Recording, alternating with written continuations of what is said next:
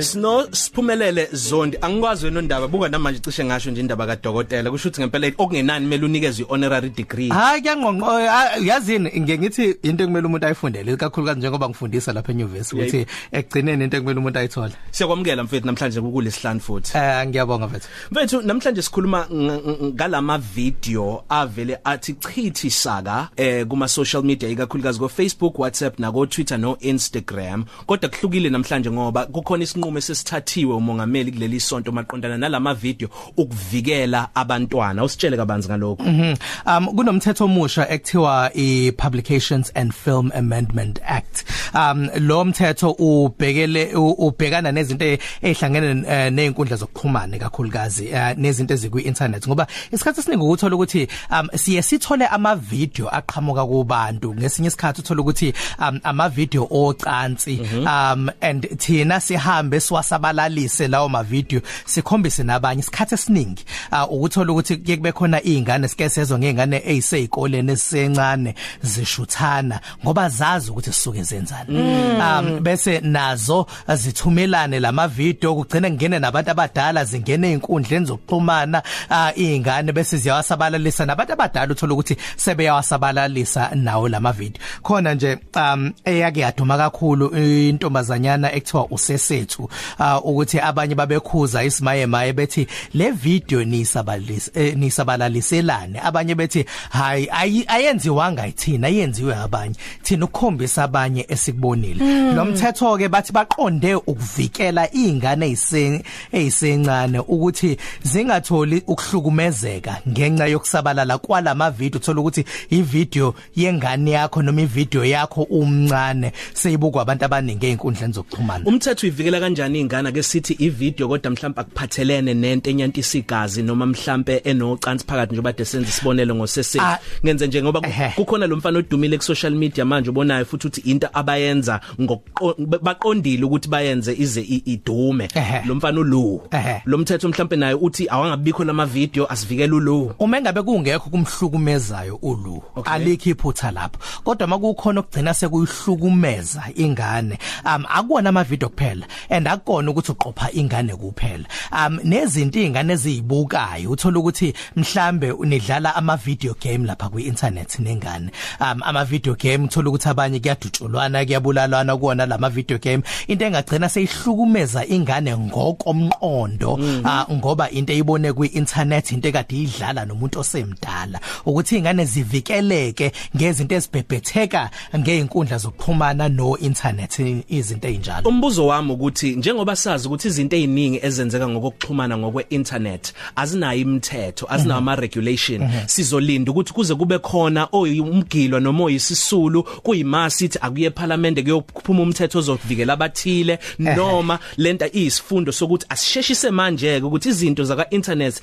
zonke ziregulate ngokusheshsha khona manje. Lo mthetho kubhekene nakho lokho ukuthi uma ngabe uhlala eningizimu Afrika kuwena okhiqiza um le lezinto lama video lo mthetho ubheke wena ukuthi lezi zinto ozikhiqizayo noma izinto oyigcinayo wena. Ngoba uthola ukuthi ake kusho ukuthi khona abaye bagcine izithombe nama video um ezibandakanya izingane ngokocansi njalo njalo. Thola ukuthi uyigcinile kwi laptop yakhe uma ubanjwa ukuthi ugcine izinto ezibandakanya izingane ungaboshwa ngalowo mthetho ukuthi as umkhiqizi noma ngabe umuntu osigcinayo lezi zinto uma ngabe inokuhlukumeza ingane phakathi igcinwe kwinto uh, kwizinto esiyisebenzisayo zokuchwepheshe e, siyibhebhethekeka ngokwe internet mm. njalo njalo. Lo mthetho uyakuvimbela ukuthi sewungaboshwa. Ubani ke ongaboshwa la uma mina nje kwi timeline one noma kwi wall yami ya Twitter njoba kuke kwenzeka? Mhm. thola umuntu ukuthi umuntu engimlandelayo ubona ivideo ethile mhlawumbe yocansi way retweeter nami ngaze ngayibona. Ngivele ngimblock.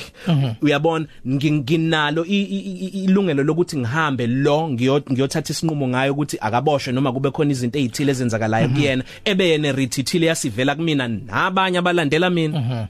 Uma ngabe iretweetwe uyena ungambopha ngoba naye uh, ukusho ukuthi uyayivumela lento eyenzekayo ngoba uh, uyena oyikhombisa nabanye kade bengeke bayibone ukuba kazange abakhombisa abanye. Mm ngenze njani ke mawukuthi ngifuna ukuthatha lezi nyathelo ngixhumane nobani? Awungaxhumana nawo amaphoyisa ngoba phela sekuwumthetho umthetho. Ukuthi umthetho asikakazi ukuthi uzo uh, njengoba umongameli ewusayinile ngolwesithathu asikakazi ukuthi amaphoyisa sengaqala nini ukuthi awulandele. Kodwa umongameli ena usayinile ngolesithathu ukuthi sengaba umthetho ophasayo ukuthi uma ngabe kuphumene nalokho bakhona abakhalayo abakhiqizi uh, bamafilimu abakhalile ukuthi um, bazovimba e, ezinye izinto abazenzayo e, eziyamafilimu njengoba sike sazi ukuthi um ezikhathini eziphambilini akavinjwa amanye amafilimu. Ngikhumbula ifilimu nje ekuthiwa off good report um eyayizoba ifilimu eyizokhombisa iyagcina ikhombisile kodwa kwi Durban International Film Festival ngo2013